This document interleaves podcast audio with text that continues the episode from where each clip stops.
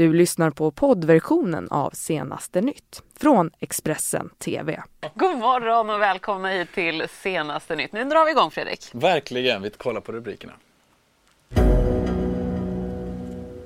Ja, kommer våldtäktsutredningen mot Assange att öppnas upp på nytt? Idag ger de svenska åklagarna besked. Med bara två veckor kvar till EU-valet, tidigare allianskollegorna drabbas samman om EU-avgiften.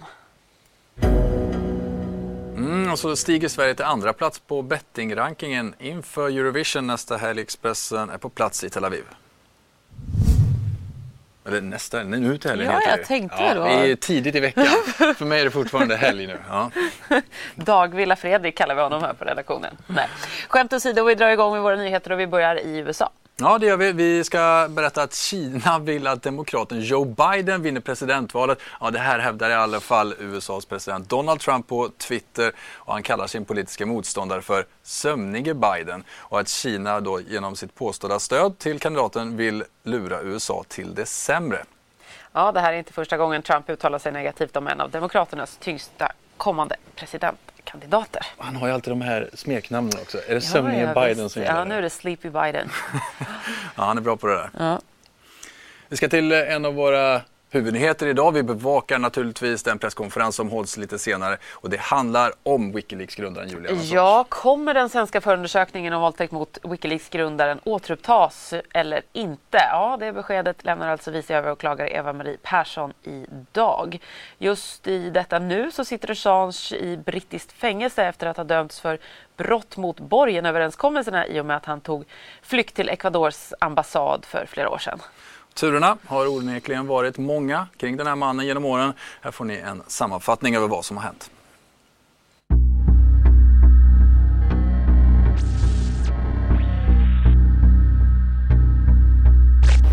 –2010 publicerar organisationen Wikileaks hundratusentals hemligstämplade dokument som framförallt kommer från den amerikanska armén. Grundaren och talespersonen Julian Assange blir då snabbt ett välkänt ansikte världen över. I augusti 2010 är Julian Assange på besök i Sverige och anmäls då för två fall av övergrepp. I förhör med svensk polis medger Assange att han har haft sex med de två målsägande kvinnorna men han nekar till våldtäktsanklagelserna. I am concerned at the way the case here is unfolding. I november utfärdas en europeisk arresteringsorder av svenska åklagare. Han grips i London men släpps senare mot borgen. Efter det väljer Stockholms tingsrätt att häkta Assange i sin frånvaro. Då på sannolika skäl misstänkt för våldtäkt, sexuellt ofredande och olaga tvång. I december grips Assange igen av brittisk polis och en domstol beslutar att han ska utlämnas till Sverige. Men Assange överklagar. Enligt honom själv för att inte riskera att utelämnas till USA där han fruktar att ett åtal ska väckas mot honom för Wikileaks publiceringar. Ett åtal som skulle kunna leda till dödsstraff. I juni 2012 nekar Storbritanniens högsta domstol honom en ny prövning och fastslår att han ska utlämnas till Sverige.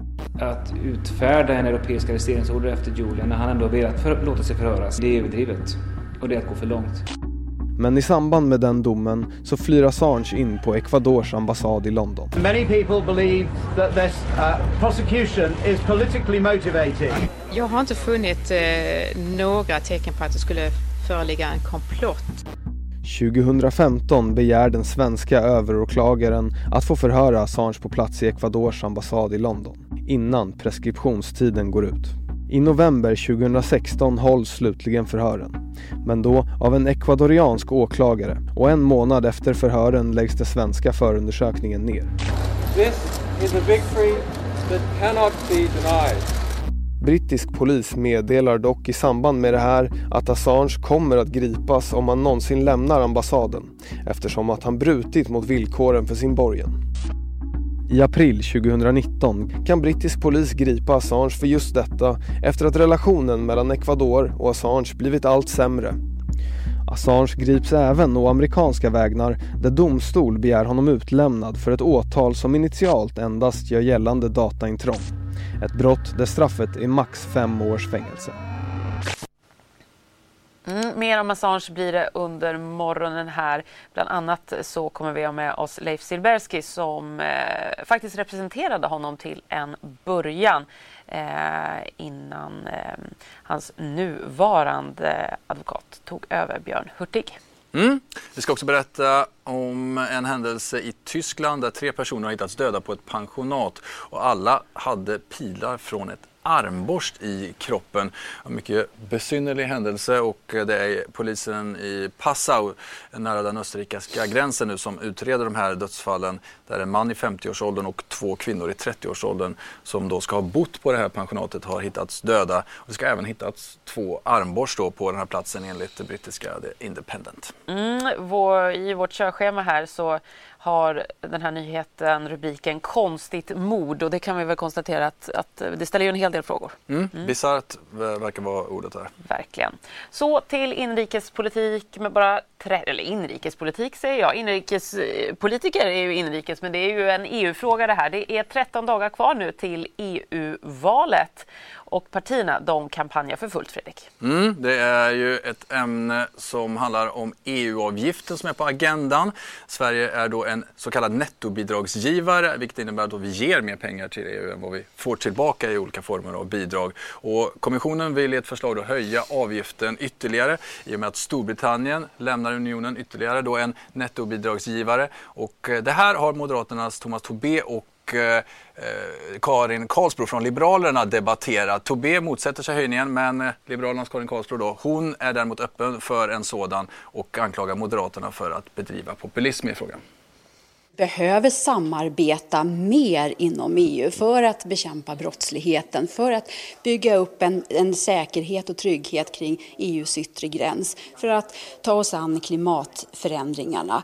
Och då behöver vi satsa, det vet alla. Sen att naturligtvis finns det inget land som vill betala mer än nödvändigt och det ska vara en tuff förhandling. Men att påstå att vi inte behöver satsa på detta, det är inte trovärdigt. Det är ren populism.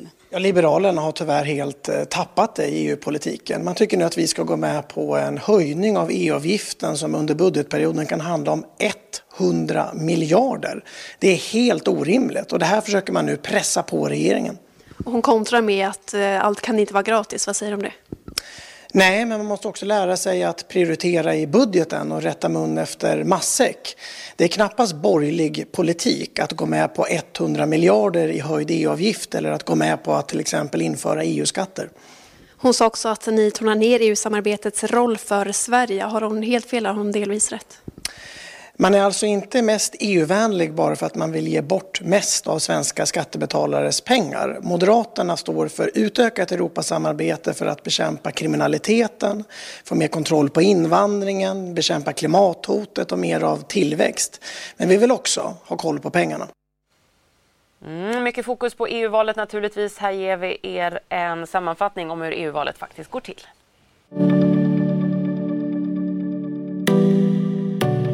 Söndagen den 26 maj så är det dags för EU-val.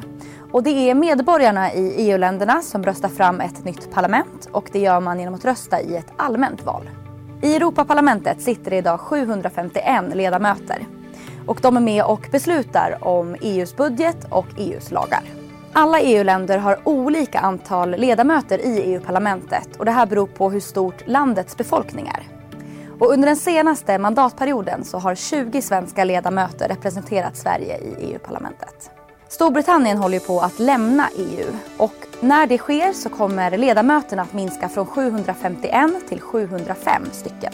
Varje ledamot är med i en partigrupp och i de här partigrupperna så samlar man ledamöter med liknande åsikter. Och det finns åtta partigrupper i EU-parlamentet. Här sitter ledamöterna inte utifrån vilket land de kommer ifrån utan Vänsterpartiet sitter till vänster, Högerpartiet sitter till höger och de gröna och liberala grupperna sitter i mitten oavsett land.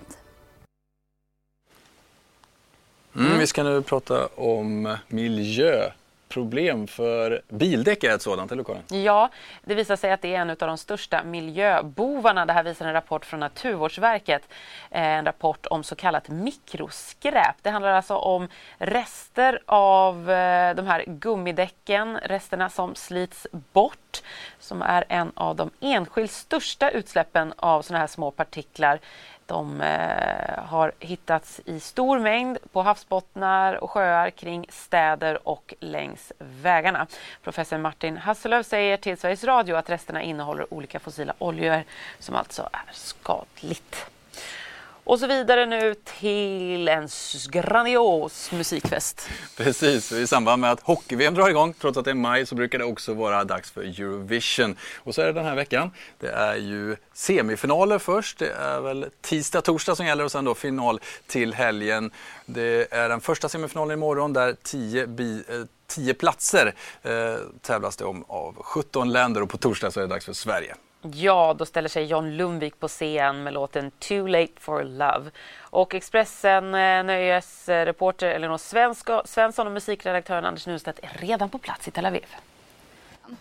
Ja, nu drar det igång. Eh, John Lundvik är här för att tävla med, eh, för Sveriges del. Eh, och han tävlar först på, på torsdag. Då är det dags för Sverige att kliva in i tävling med, i semifinal nummer två. Men redan imorgon så är det första semifinalen där tio finalister ska eh, eh, vaskas fram till, till den stora finalen på lördag den 18 maj. Så att, eh, ja, nu känner man, nu, nu händer det äntligen. Mm. Och som du säger, finalen är på lördag, tisdag, torsdag är semi. Har du hunnit tjuvlyssna lite på låtarna och har någon koll på vem som är John Lundviks största hot?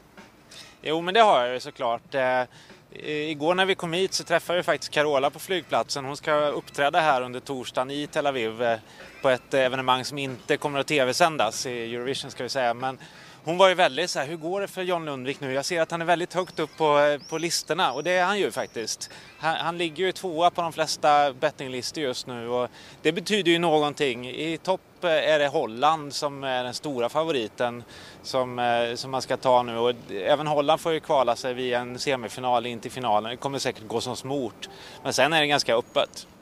Och apropå semin och kvala sig vidare, behöver vi vara oroliga på torsdag när John eh, kör? Nej, det känns inte så. Inte, inte nu i alla fall. Eh, sen ska han ju leverera i rutan såklart. Och, men eh, jag känner mig väldigt trygg där för han har ju eh, visat det inte bara en eh, svensk melodifestival utan två. Att han är otroligt säker på scenen. Så, eh, det finns gott hopp om en, eh, ett svenskt avancemang. Så får vi se hur långt det räcker sen då. Mm, spännande blir det och mer från både John och Anders får ni såklart här i Expressen TV. Mm, så säger de från ett soligt Tel Aviv. Här i studion ska vi berätta lite om några viktiga hållpunkter idag. Och ni har redan hört att vi har snackat upp den pressträff som hålls klockan 11. Det är då åklagare som ska berätta om Julian Assange, Wikileaks-grundaren och den utredningen i Sverige ska återupptas igen och det kan bli så att Sverige då kommer begära honom utlämnad än en gång. Klockan 14.30 så håller Socialdemokraterna en presskonferens. Det handlar om ett tryggare Sverige och Europa. Det är inrikesminister Mikael Damberg som tillsammans med Helene Fritzon, toppnamnet då, till EU-parlamentet som möter medierna där. Och ikväll 2015 så är det dags för Sveriges tredje match i hockey-VM. Efter förlusten mot Tjeckien så lyckades ju Tre Kronor under gårdagen då ta en storvinst, 8-0 mot Italien och idag är det dags för oss att möta våra nordiska grannar i Norge och det kanske kan bli en storvinst till där. Det hoppas vi på, eller hur Karin? Det hoppas vi på Fredrik. Eh, ja, det var allt för stunden här, eller hur? Mm, fortsätter. Du har lyssnat på poddversionen av Senaste nytt från Expressen TV. Ansvarig utgivare är Thomas Mattsson. Ett poddtips från Podplay. I podden Något Kaiko garanterar östgötarna Brutti och jag, Davva, dig en stor dos skratt.